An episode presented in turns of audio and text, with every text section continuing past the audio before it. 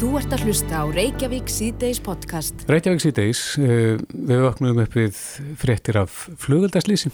Reynda að tala um sprengju uh, fyrst sem að fannst í heimörk. Já. En svo kom í ljósa að þarna var um uh, flugöld eða svo kallar skottertu að ræða. Já, það stendur hér á, í fréttum að vísa að þetta verið þryggja tómmu tífóli bomba Já. og kemur svo í ljósa að þessar bombur hafa nú ekki verið sko lefðar í sölu hér í, í einhvern tiltekinn tíma. Nei. Þannig að, já, en þetta var hræðilegt slis. Allir megi gera það ráð fyrir því að þetta vel ekki hérna síðan um síðustu áramóti eða jafnvel lengur. Já, það er góð spurning. Og svo hefur náttúrulega blotnað og, og svo þurkast þetta upp aftur. Já. En uh, það er spurning með meðferð á skoteldum. Mm Hva, hvernig á að meðhandla gamla skoteld og hvaða maður að gera ef maður rekst á svona hérna, stekki út í bæ? Akkurat. En á línunni er Þorvaldur Friðrik Halsson, gæðastjóru hjá Slísavarnarfélaginu Landsbjörg. Kom til sæl. Selvur. Já, það skiptir máli hvernig við meðhandlum svona flugvelda og sprengjur. Það, það gerir það. Við þurfum að bera mikla virðingu fyrir þessu en það er þetta sprengjefni og, og það er að meðhandla sem slíkt hvort sem er til sem við seljum til neytenda eða í síningafuru. Mm -hmm. Það þarf að bera mikla virðingu fyrir þessu. En, en þetta lítur kannski ekki alltaf út fyrir að vera flugveldur? E, nei, eflust ekki en á þessu ætti að vera varuða leiðbenningar sé þetta lögulega flutt inn mm -hmm. og þá er þetta með viðvöruna leiðbenningum. E, síningaflugveldar eru að sjálfsögð ekki í almeinlega sölu nei. og sé þess að fréttir réttar að þetta hafi verið svo kvöldu tígulibomba þá er þetta klárlega síningavara Já. á ekki að vera meðal almennings. Segð okkur aðeins af tífóli bombu, Hva, hvaða kraftur er í þessu og hvernig sprengja þetta? Þetta er mikil sprengikraftur í þessu og getur aldrei miklum skemmtum, sérstaklega þetta er rétt reynist að sé þryggja tómi og þá er gríðalegu sprengjukraftur af þessu og vera að uh, koma að með mikilvæg varuð. Getur svona þryggja tómu tífóli bomba drefi fólk? Heilega. Já, þannig að þetta er lífsættulegt. Þetta er það, það er rámt meðhandlað. Við erum innan okkar viðbanda, erum við með sérfræðinga sem að meðhandla þetta og eru að útbúa þessa skotelda fyrir síningar og fyrir gríðarlega vinna. Við endur búið eina síningu og mikla varuðarastannur mm -hmm. erum að meðhandla þessar sprengjur. En uh, svo er náttúrulega fólk sem er kannski endur að finna þetta á víðavangi en, en er kannski með leifar frá síðustu áramótum eða þar síðustu áramótum. Hvernig á að, að geima flugveldinu? Á að geima þá? E, það sjálfsög er hægt að geima flugvelda er réttar aðstæður, alls ekki raka og alls ekki það sem þetta verður fyrir njaski, hendur í, í, í venduð umhverfi og e, það þarf að passa að þetta leki ekki eða slíkt. E, við seljum ekki eldri flugvelda en tveggjára, það er bara í lögum. Mm -hmm. Er þeir ráðnir hættulegi þá eftir þann tíma? Nei, ég sjálf sér ekki, er þeir ekki hættulegir, það er fengið rétt að geimslu og þetta er bara Európa-lögjöf sem að hveður á það að má ekki selja til einstaklinga uh, flugvelda sem er orðinir eldra en tveggjára og eftir því er farið. En aftur á móti áfólk þetta í fórun sínum og ef þetta er gengt rétt að þá þarf þarf þetta ekki eðilegast en það er ekki sama sprengjukraftur í uh, þeim flugveldar sem við seljum til almenna borgara og, og svo skottflöðeldar í flugveldasýningar. Mm -hmm. En ef maður á eitthvað gamlar byrðir í, í bílskutni hjá sér sem maður kannski veit ekki einu svona alveg hvað er orðið gamalt, hvað gerir maður við þetta? Það er bara að fara með þetta í sorpu og ef ég maður rétt að þá er það dámur 16 sem tekur við spillefnum og það er með talið flugveldum. Mm -hmm. Og þeir taka við þessu og, og því er svo fargað. Já. og um að gera eða einhver vafi á þessu í geimslum eða hjá fólki að fara bara með þetta á, á, á stöðarsorpu og þessu í gán mm -hmm. En þetta er sennilega þarna um síningareintak þarna að ræða eins og, eins og þú segir svona með að við lýsingun á þessu eru margir soliðis flugveldar fluttir inn eða sprengjur? Já það er á vegum okkar flytju inn til að, að, að sinna þessum flugöldarsýningum sem við komum að allt árið og erum við geimið þetta eftir ströngustu kröfum og við sem samtök afgreðum þetta ekki til einstaklingar sjálfsögðu og seljum ekki nema bara inn á nakka viðbanda mm -hmm. og það er gert bara eftir að leiðið hefur fengist frá yföldum og það er tekið fram nákvæmlega hvaða magn á að fara upp og er stimplað og við getum ekkert afgreitt þessa luti fyrr og við erum líka með sérmenta fólk hjá okkur skotstjóra sem erum við tilskilin réttindi til að gera þetta og meðalda þetta uh -huh. en við erum aftur á móti orðið vör við mikið af þessum skoteldum, þessum tíulibandum í umferðin hver áramót, við bara þurfum ekki að labota svalur og sjáum þetta við sem þekkjum til Er þá fólk að flytja inn með öðrum leiðum? Já, það verður þeirra Eða er þetta legg út frá ykkur? Nei, við teljum svo ekki vera Nei. en það gerum við ekki, þetta er, ekki, þetta er afgreitt af okkur eftir stimplum frá yfirvöldum og er eftir haft með því. Já, þannig að það er stránglega bannað að selja svona flugvelda til almennings. Það er stránglega og við erum svo sem bent á yfirvöldum á það. Við sjáum þetta í umhverfin og teljum þetta sé að koma inn eftir einhverju öðru leðum mm -hmm. og teljum við það miður. En við fórum strax í það í morgun þegar við sáum þess að fréttir að við fórum að skoða allt kerfið og skættir að fá upplýsingar um, um viðkomandi og um, átt samtal við yfirvöld lauruglum að fá meira upplýsingar þess að geta farið án í kjölinu þessu máli Já, þannig að þið viljið fá upplýsingur um hverslas sprengi efni eða skotaldar voru þarna? Já, við viljum það og við viljum eindra í aðstofa ef einhver kostur er á og, og það er allra hægur að komast til bossi því. Já, akkurat. Já, Þorvaldur Freyrik Halsson, gæðastóri hjá Slesavarnafélaginu Landsbyrg. Kæra þakki fyrir þetta. Já, takk fyrir. Þú ert að hlusta á Reykjavík C-Days podcast. Hjá 630 nefndum í fjórum skólum. Já út af COVID-19 mm -hmm. en það er barnaskólin í Reykjavík og Áltamýraskóli Kvassaleiti skóli og já, ég held að, neða þetta eru fjóru skólar en þetta er allavega, hefur mikil áhrif og, og það er búið að fresta um hálfan mánuð á meðan að kennarar og starfsmenn skólans er í sótkví mm -hmm. og það hefur komið Já, fyrir ekki því svo kalluð úrvinnslu sótkví Já Það er akkurat þetta sem hún rettaði en sáðan hún Kamila Sigriður eh, staðgengil sóttvarnalekni sáðan á mhm. fundinu að, að það er ekki sóttkví og sóttkví er ekki það sama en nú er verið að sagt, reykja þetta smitt sem hefur komið upp inn að þessar skóla og, og, og raðgreina mm -hmm. En uh, mun borgin að einhver leiti bregðast við þessu á línunni er maðurinn sem er með sörum við því. Helgi Grímsson, sviðstjóri skóla og frístundasviðs Reykjavíkur Sæl. Komið sæl. Já, getur kerfið brugðist við þessu vanda sem að þessi skólar eru í og vantalega fóreldrar ára börn?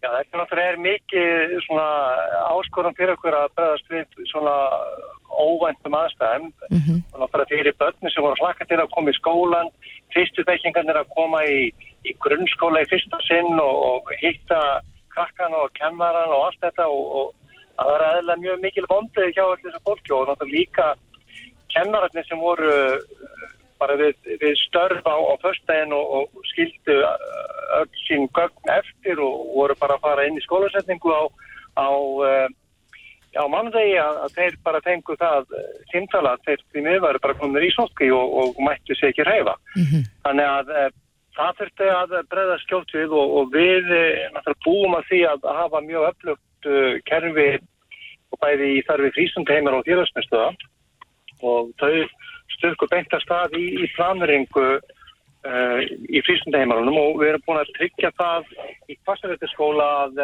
við bjóðum öllum börnunum upp á leikjarnámskeið í fyrsta til fjóruðbekk mm -hmm. á mhm. meðan að sótkvívarir En hvað með hinn á skólan?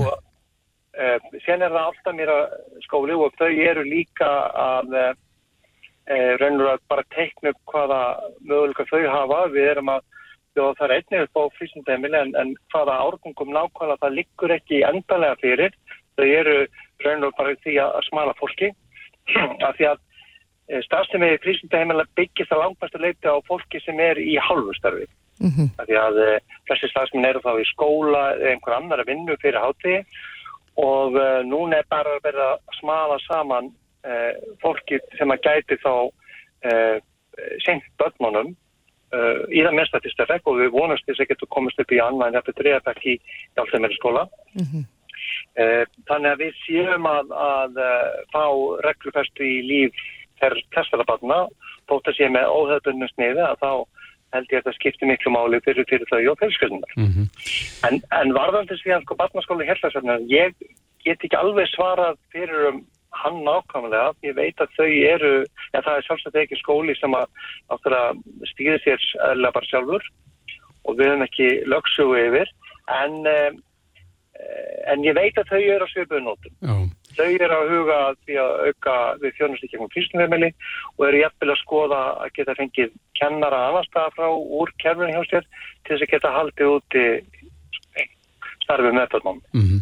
En ég veit að það er ekki allir sem stilja sko, umfangið vegna þess að þannig er einn aðili sem að eh, greinist smitaður og það eru tveir Já. skólar sem að, sem að verða að fresta skólasetningu. Við hvað starfar eiginlega þessi stafsmöður? Uh, já, þetta er bara, ég, ég getum ekki beinleins verið að tjá mig um það, sko. En er þetta uh, stafsmöður sem hefur þá, þá umgengist alla hinna stafsmönnina? Hann hefur Hann hefur eh, skildur í báðanskólum og, eh, og var nýstafsmæra hefustörf og var kynntur fyrir, fyrir stafsfólki mm. og eh, en ákvörðun um sko að setja allir sóttkví var raunuru til þess að verja stafsmannahópin og, og tryggja að, að ef mögulegt smitt væri frá því konti stafsmanni að það væri búið að setja þetta í sóttkví alla saman. Síðan fyrir úrvinnslanir gang og þá er meira verið að meta hversu lengi hverju stafsmæður var í, í samskipti við stafsmanni er þá voru nokkur samskipti og reykja fer þetta betur inn á skólans en það var bara ekki tími til þess að fara allavega að vinna um helgina hjá rækningateiminu og það er vinnan sem er síðan framöndan. En eru einhverja líkur að því að, að þessi starfsmenn skólana þurfi ekki að vera í hálfan mánuði í sótkví? ég, það er ekki mitt að svara fyrir það. Það er rækningateimi sem að, sem að uh, og, og almannavarðin sem svara, svara fyrir slíkt en, en ástæðan var einhverja þessi. Það, það kemur í ljósa að stafsmann er smittaður, hann var einnkjörna laus og, og þess vegna er bara til þess að að gefa fólki eins langa tíma hægt er í rækninguna en aftur við erum með, með smitt sem er bráðsmittandi og, og breyður öll úr sér Mm -hmm. Það bara skipta öllu máli að vera með þennan viðbúnað þannig að væri ekkit eh, vafatrið með stafsmenna og líka veikandi það að við værum að fá allan barnahópin í skólan núna í dag. Já. Þannig að þetta er bara eðluleg að varu á ráðstafan þegar að við vitum að þetta er svona ráðsmittandi mm -hmm. að, að með þetta að passa sér mjög vel. Og ég veit líka að báðurskólanum voru að gæta mjög vel að, að sótvöldnum og, og að verða fjárðarreglur og, og spyttun og pott og allt þetta.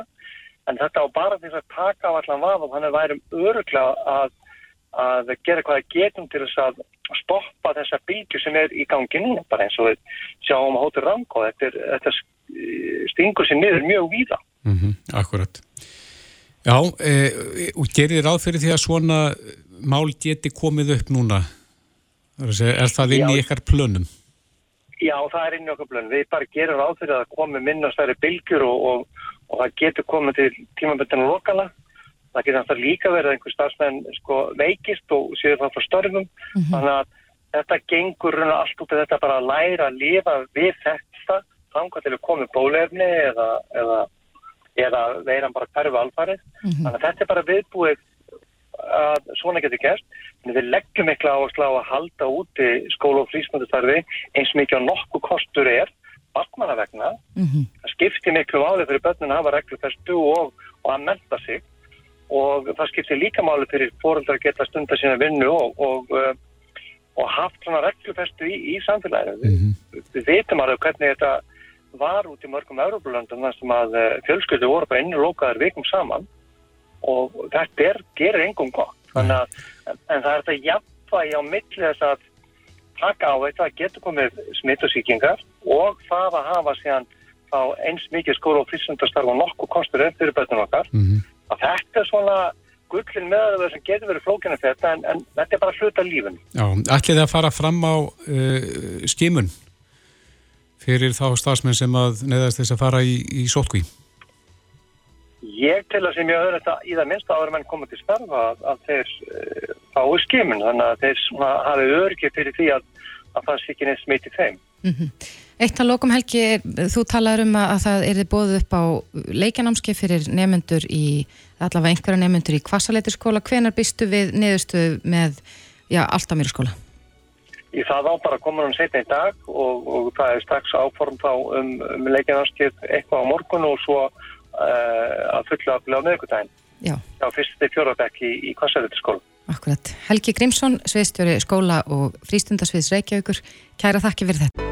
Reykjavík síðdeis á Bilginni podcast. Jæja, Reykjavík síðdeis. Við heyrum alltaf annars lægið um uh, þessa svo kallu kennslanend mm -hmm. þegar að lík finnst á Íðavangi eða hvar sem er, þá er kennslanend kollu til til þess að hérna staðfesta það af hverjum uh, viðkomandi lík er. Mm -hmm.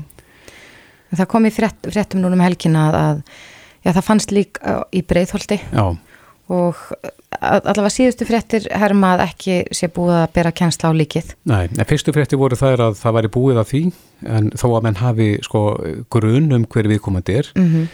þá er ekki hægt að staðfesta að finna kennslanend hefur staðfesta. Akkurat. Þannig að það er beðið eftir niðurstöðu kennslanefndar en formaði kennslanefndar er á línunni. Eh, Það er Rönnólfur Þóraldsson, sæl. Sælir. Kennslanefnd, hva, hvað tekur hún oft til starfa á ári? Hva, hvað eru þið kallaður oft til? Já, það eh, getur verið uh, mismunandi, sko. Þetta er búið að vera í sumar, alveg nokkuð að gera hjá okkur. Mm En uh, svona meðaltali að þá er þetta fjögur, fimm, sex mál á ári. Hvaða ferðlega er það sem fer í gang þegar að þið eru köllu til? Já, það eru uh, laurugluembættin sem að kalla okkur til og uh, við förum þá vettfang hluti af nefndinni og uh, byrjum að, vinna þessa rannsókna vinnu sem er nöðsileg til þess að, að staðfesta kennsl. Er, er vettvangurinn í sömu tilfellum, er hann tryggður eins og um sakamál sé að ræða? Það, það er að segja því að það er ekki hægt að fara aftur á staði þegar það er búið að flytja kannski líkið í burt? Já, það það er vaninn svona þegar að, að, að mál eru óljós uh, í, í upphafi að hérna, þá er það þá er það yfirleitt alltaf gert. Já.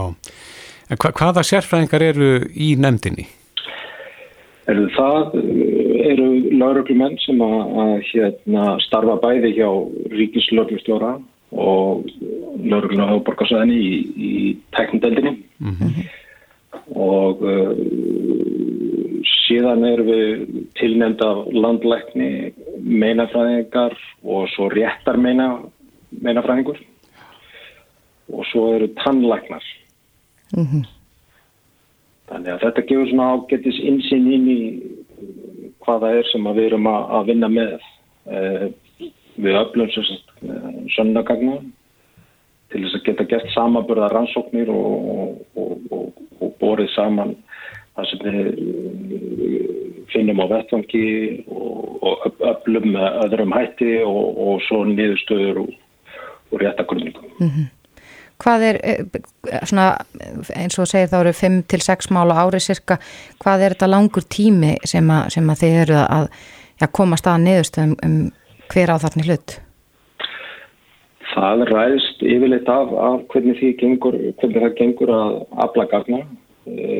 Það er þannig að við verðum engungu að stiðast við DNA að þá get, það tekur svona helst lengt lengsta tíma. Er, er það sendt út til greiningar? Já, við erum í samstarfið sænska rannsóknastofu sem að greinir þetta fyrir okkur. En þetta tekur yfir litt skemmri tíma ef við steinjumst á við fingraför eða, eða tannlagnarskíslur. Mm -hmm. Það er ekki nóg ef að, ef að lík finnst á viðavangi að, að leita bara skilríkjum. Það, það, þetta gengur ekki svoleiðis fyrir sig. Það auðvitað hjálpar okkur á staði byrjun en, en þetta náttúrulega hefur bæði, bæði mikla þýðingu fyrir ættingja, framvindu rannsóknarina og, og, og svo réttarstöðu varðandi í umsæði löggerninga að, að þetta verður að vera 100%. Það dugir ekki, ekki 99,9%. Já, við myndust aðeins hérna á þetta mál sem kom upp núna um helgina. Hefur gengið vel að, að bera kennsla það lík? Það er bara í, í vinslu og búið að vera í vinslu síðan á, á fastu daginn og, og, hérna, og, og gengur bara ágætlega en, en verður áfram trúlega í, í vinslu í þessari viku. Já, munið þurfa að nýta, að, nýta ykkur þessa uh, aðstof frá Svíþjóðin svo talaður um aðan? Það eru allar líkur á því, já. Mm -hmm. Já, akkurat. En þetta eru segjur í 45 mála ári. Telst það, telst það mikið svona í, í samanbörði við önnu lönd? Ég held að það sé svona með það sem ég hef heyrst frá, frá vinnum okkar sérstaklega á Norrlandunum að, að hérna, þetta sé svona með við höðatölu, að gamlega góða höðatölu, þá erum við bara á, pari. Já, akkurat. Uh, Rönnúlur Þóraldsson, formaður tjænslanemdar, þetta er frólægt, frólægt starf sem þið vinnið. Kæra þakki fyrir var litið. Bless, bless. Bless.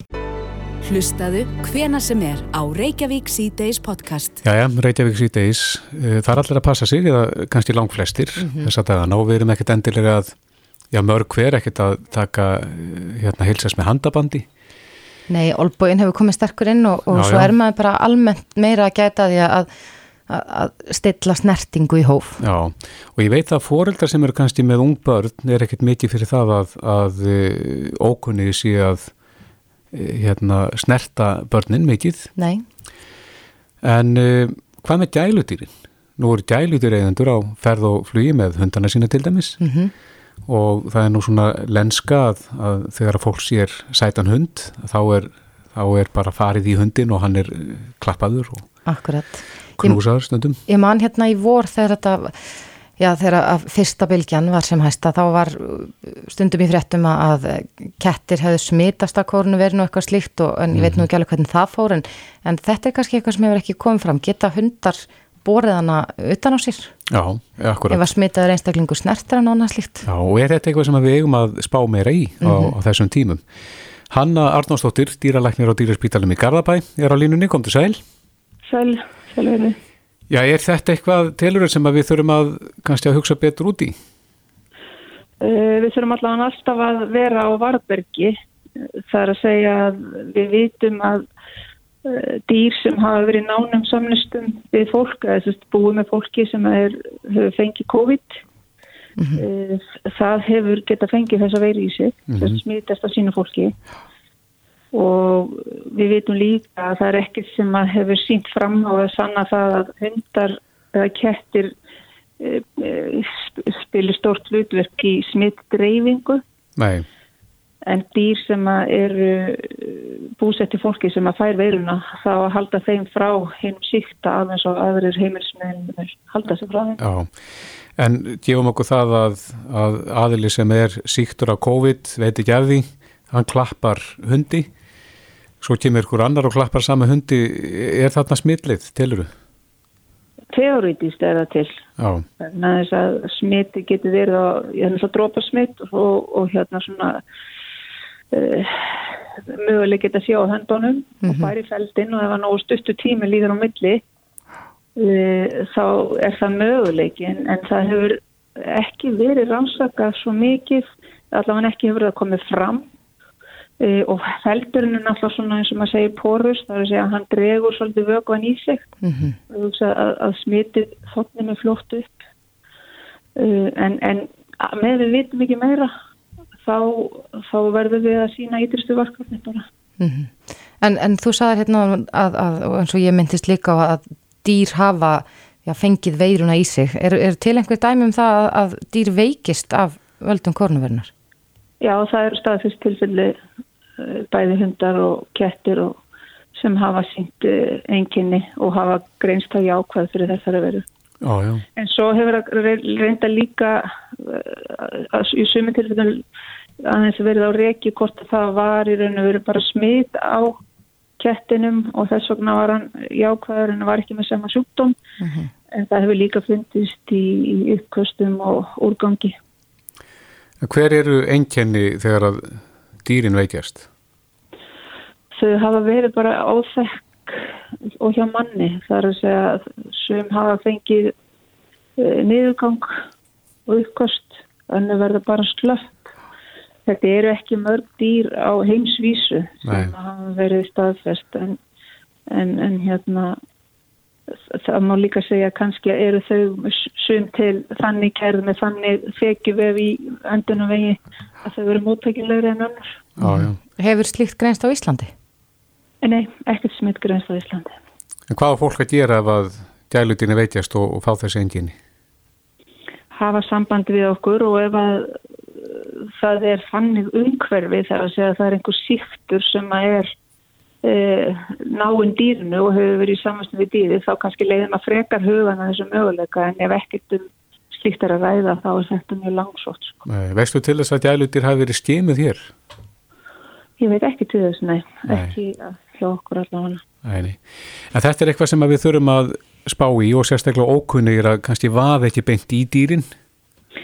Já og, og ekki bara þessum orsökum heldur líka vegna þess að það er ekkert öll dýr sem vilja láta snesta sig og við glemum stundum að spyrja þau leifis. Mm -hmm. Þannig að það er best að, að spyrja eigandan um leifi áður en að... Já, spyrja eigandan og spyrja dýri segja ég alltaf. Að ef, að, ef að þú býður upp á samskiptið dýr og það, það vil frekar hörfa frá þér, þá er það nokkuð skýrt að það vil ekki ræða við þig. Nei, akkurat. Hanna Arnarsdóttir, dýralæknir og dýraspítalan í Garðabæ. Takk fyrir þetta. Takk sem að leiði. Bless, bless. Reykjavík síðdeis á bylginni. Á förstu daginn þá uh, byrti uh, háskólinn mm -hmm. sína spá. Það er að segja hvernig uh, hérna, COVID mun breyðast út hérna um samfélagi. Það er svona spá líkan og einhvern veginn fór þetta fram hjá mörgum, veit ég. Já, það var engar flugveldasýninga þegar þetta var tínt. Nei, En, en þetta er alltaf áhugavert að sjá og það var mikið stuðst við þetta hérna í, í fyrri bylgjunni. Þetta voru gag, gaglegar upplýsingar. Já, þeir voru nokkuð sansbáir um þróunina þá, voru svona með bjart sínasbá og svart sínasbá og svo eitthvað, eitthvað þar á milli. En, en eh, á línunni er Tór Aspilund sem að er professor í líftölfræði. Sæl? Sælblessi. Já, hvernig lítur spáin út? Er hún svart sín eða er hún bjart sín? Hún uh, var aðeins svartýrni við þessi nýju smitt sem kom þarna upp í kringum Rangá og, og fleiri. Það, það tegðist aðeins á kurfunni en hún er þetta miklu neðar en var á setjum tíma í fyrra og þess vegna höfum við kannski, ef maður segja, lagt meiri áherslu á vöktun og, og ef það er farið inn á síðanu hjá okkur, covid.hi.is, að benda núna líka meira á önnur lönd, hvernig þetta er að fara af stað út um allt. Og hvernig eru við í þeim samanburði? Þá til dæmis, uh, við, sko, við berum okkur saman til dæmis í Norðurlöndin uh mhm. -huh. og þá eru við svona kannski að fara af stað líka og jafnvel hinn, en Norðurlöndin eru svona svitur róli núna. Já og Svíþjóð er komin bara á, uh, ég reyndar aðeins fyrir ofan okkur en svona, uh, þetta er á Svíþjóðum stað. Mm -hmm. En meða við þetta spálíkan, hvenar megu við svona fara að vera vongóðum að, að þessi setni bylgja sé á leðinni niður? Já, við erum að vona þetta haldi sér svona áfram svona á þessum takti sem við erum í, minna við erum að tala um 6, mitt, kannski 1, 2, 4, þessar tölur alveg út í núna samkvæmt líkarinu í enda september, oktober mm -hmm. en munum samt í síðast og þá voru við í 180 og, og þeim fjölda sko, þannig að þetta er öðruvísi núna Já, af hverju heldur það að það sé? Það er bara ymitt og merkilegt við þessa veiru hvernig hún hefða sér og, og þess vegna hefur við líka aðeins verið að benda á að þetta hefur gert í öðrum löndum að við matla svona í hagagangi og svo bara allt í njú rísit upp og við tökum að Ástrali og Ísæl sem dæmi þannig að ég get ekki útskýrt það. En það er eitthvað sem að fer á stað bara í samskiptum í þjóðfélagunum og og svo frammeðis þessi ef fólk er ekki að halda hérna, sótkví og svona sem að, sem að þetta getur svona blossaðið þetta Já En er erfiðar að, að reyka svona uh, spádeild eins og þína, tölfræði spádeild þegar að við erum svona fámenn, Þa, það þarf svo lítið til að stjækja myndina eða, eða breyta útkomunni? Já, það er alveg klárt og, þessna, og, og líka til dæmis þegar þetta er í þessum takti þegar maður er ekki alveg viss bara á hvaða braut þetta er komið. Þetta var mhm. komið með ákveðni, ákveðnari braut á, á sötuðum stað í, í fyrstu bylgi. Þannig að þetta er svona eh, bara erfiðara núna og maður verður bara að vera bara viðkjöna það. Þetta er svolítið mikil óvisa núna. Já. En þeir voru kallu til í fyrirbylgjunni til þess að spá fyrir um álag á heilbyrðistýru. Það var nú svona megin tilgangurinn til að sjá svona hvernig hvernig kerfið réði við og spítalinni réði við margar innlagnir og annað slíkt uh, hvernig stöndu við gagvart því? Já, nákvæmlega. Nú, er, nú þurfum við eiginlega að fara þegar fjöldin fyrir að, sko nú er fjöldin komin upp samt fyrir hundrað og nálgast 150 jafnvel og, og, og þá þurfum við svona huga því að byrsta aftur þær spár. Því þá ætti að fara jafnvel að koma inn einhver tilfell aftur sko. En, en hinga til er fjöldin, hefur fjöldin verið of lítil til að, að það sé hvað til að, til að treysta á. Hva, hvað voru mörg tilfelli komið síðast þegar að fólk fór að, að leita til spítalan og lætjast inn á gjörgjæslu? Já, þá var ég einna, ó, það var nú reyndar aðeins fyrr, sko, já, nú, nú er ég reyndar bara sjálf búin aðeins með að gleyma því. Það fennir fljótt yfir? Já, en það var að reynda ræðis fyrir og, og, og það er það sem reyndan hefur líka verið svolítið í umræðinni með álæg á spítalana, það er aðeins öðruvísi í þessari bylgu en þeirri fyrstu og það er líka önnur aldurstreyning núna, það er meira í yngra fólkinu og það er í minni hægt á að leggjast inn, þannig að þetta er, þetta er ekki Þetta er aðeins öðruvísi núna. Já, þannig að kjærfin er kannski að ganga betur að verja svona viðkvæmustu einstaklingan og það hefur kannski reynslan af síðasta faraldir nýtist þar. Já, ég hugsa það nú og, og, og hérna við verðum bara að muna það að, að halda því áfram og, og hérna en samt við þurfum einhvern veginn kannski að ná betur líka til unga fólksins. Það, mm -hmm. það er einhvern veginn, þeim, þeim, þau eru ekki alveg smikið á verði núna, ég veit ekki alveg hvað það er. Nei, Nei það hefur verið sagt í fjölmjölum að veiran sé á djamminu þar sem unga fólki heldur sig. Það hefur verið. En þá er bara spurning hvernig best sé að miðlaði til þeirra sem yngri eru. Já það er einhvern, einhver, einhvern annan hátt kannski en á vefsíðum og svona, ég veit, veit það ekki ég tek ekki svarið Nei. En þegar að þú spáir eða, eða tekur ímiðsatrið inn í spána tekur með núna þessi nýja þessa nýju reglur á landamærunum? Sko við höfum nefnilega við höfum nefnilega við höfum beint aðtiklinni að smitunum sem gerast bara innanlands. Látið þau núna lýsa, lýsa því hvernig þróun, þróunin er. Uh mhm. -huh. Þannig að landamærsmitin eru, eru bara tekin út fyrir sviða, sko. Já, já í ykkar spálíkani. Já, já. Þannig að. -huh. við notum þau ekki neitt, en við fylgjumst auðvitað með þeim og það er náttúrulega sérþálega að þeim eru auðvitað fjölga líka og það er bara í takt við síðan hvað er að gerast erlendis og þess eru við líka svona svolítið meira að draga aðteklina að því hvað er að gerast í kringum okkur er að gera með fyrstu bylginni mm -hmm. En, en samkvæmt ykkar spá og kannski nýjustu tölum að, að þá má búastu því að þetta drægist svona inn í oktobermánuð Já, því miður það, það, það lítist hann í út núna já. Já. Og, og, og fjarar hægt þá út eða? Já, það fjarar þá bara hægt út og, og hérna, við erum að sjá þessi tilfelli bara áfram 1 og 1, svona 2 og 3 og 6 og þessar tölur sem við erum búin að vera að sjá já, mm -hmm. Er þið jafnáðum að vinna í já, nýju spálíkani? Þannig að við sko við erum við upptærum bara núna spárnar sagt, að vikulega og ætlum að reyna að halda okkur við þastu dagina nema að koma eitthvað mikið upp á mm -hmm. en á meðan erum við bara að vakta og hvernig fólk til að líka vera á vaktinu og, og, og sjá hvernig, hvernig þessu líður fram, eða framlýður, já. Já, covid.hi.is, það er síðan ykkar fyrir tölfræði efnið. Já. Tóra Aspelund, professor í líftölfræði, takk fyrir þetta. Takk fyrir. Þetta er Reykjavík C-Days podcast. Já, nú eru skólatnir margir hverjir, langt flestir að byrja aftur og já, ég hugsa að flestir fórildrar hugja að skólatöskum svona á þessum tímpunkti en Já, það er svona spurning, eru allir að nota skólatöskuna rétt? Ég rakst hérna á greinin á vísi.is þar sem að e, fræðslu, sjá fræðslu og kynningarnemnd yfirþjálfa félags Íslands er að benda á að, að það er nú ekki ein leið til þess að vera með skólatöskur og maður er að huga að ymsum hlutum. En á línunni er Valgi Arna Eiriksdóttir, yfirþjálfi, kom til sæl. Já, sæl. Já, þetta eru svona ákveðnar reglur eða, eða kannski svona viðmið sem þeir eru að setja þarna fram í þessari grein. Hvað er það helst sem skiptir máli? Hvað var þar, sko, hvernig maður stillir skólutöskuna? Sko, uh, það er náttúrulega mjög mikilvægt að velja rétt af stærð af tösku og sérstaklega eins og fyrir þessi, li, fyrir þessi litlu krakka sem er að byrja í skólanum, 6 og 7 og 8 ára, mm -hmm. að þá er mjög mikilvægt að taskan sé í réttri stærð, ekki breyðari heldur en til dæmis eðrabækið þeirra og nái ekki niður fyrir mjóbækið.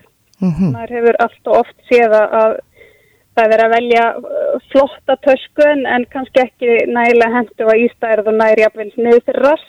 Mm -hmm. Er alveg nægilegt úrval af, af slíkum töskum hér á landi? Sem eru uh, henduar fyrir svona litla kroppa? Já. Já, það er sem betur fyrr alveg uh, tölverst úrval sko. Mm -hmm. Og það þarf líka að passa mjög vel upp á axlar óladnar, að er séu vel bólstraðar af því er náttúrulega liggja á bara viðkvæmu svæði á þeim yfir axlirnar. Já. Og það er líka mjög mikilvægt að sé hérna smetla yfir bringuna því að það dreifir álæginu af axlunum mm -hmm. og ef að það er mittis ól líka þá dreifir það álæginu svona betur jæmt yfir en alltaf fyrst og fremst uh, ól yfir bringuna. Akkurat. Já, nú er, en, en, nú er í raun og verið í dag börn með tölvöld minna í töskunum heldur en kannski ef ég, ef ég miða við þegar ég var barn á þessum aldri þá var maður Já. með fullt af rítfengum og bókum og, og hen og þessu er, er þið líka að huga því að, að, ja, að, að þingdin á töskunum sé ekki á mikil?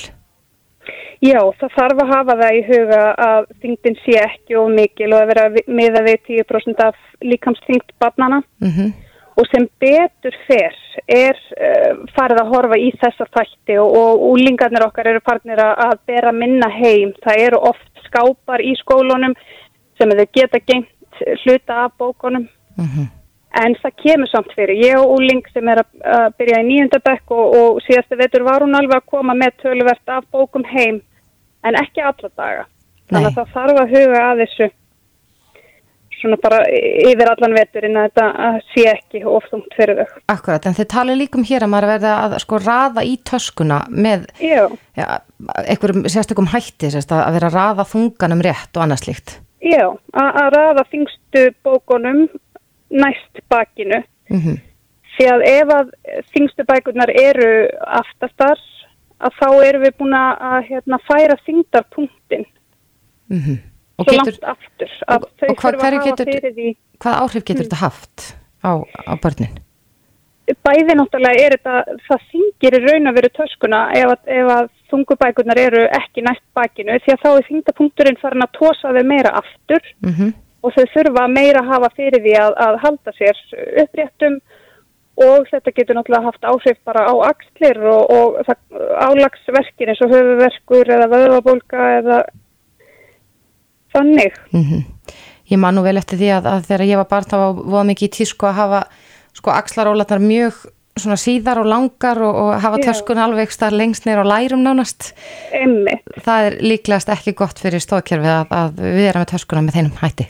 Nei, en það er, hafa líka verið breytingar á töskum að, að það, það voru hérna áður voru miklu mýgri hérna bökin í þeim. Mhm. Mm en núna eru þau orðin nokkuð vel bólstruð og góð og þá er bara óþægilega líka láta hann að hanga svona langt niður. Akkurat. Þannig að það er svona leiðir eitt af öðru að þau, það er betra að hafa hann að rétt styrsta með hörðu baki. Já, þið eru, er í raun og verum það mikið úrval af, af töskum í dag. Mæliði frekar með þessum töskum sem eru svona vel bólstraðar í bakið og, og, og steyðja betur við bakið? Já. Mhm. Mm Já, þetta er mjög áhugavert. Er eitthvað, er eitthvað fleira einnig, sem að... Já, það er sko það sem að maður hefur svona séð á sem nýju töskum að þá eru gætnan sund og íþróttapokarnir eru smeltir utan á mm -hmm. og þá meira svona framan á töskuna það sko hérna færi líka þingdapunktin of langt aftur. Mm -hmm. Þannig að það er alltaf betra að setja íþróttafötin og sundfötin ofan í töskuna heldur en framan á hana. Já. Já, þetta eru góð ráð og eflust margir sem eru þekkja ekki nógu vel hvernig, hvernig þessu skal hátta þegar börn sem er að byrja í skóla í, bara í fyrsta bekk þannig að Emmi. Já, en Valgi Arna Eiríksdóttir, eða í þjálfi kæra þakki fyrir Já. þetta Takk kærlega spömmulegis Reykjavík síðdeis á Bilginni podcast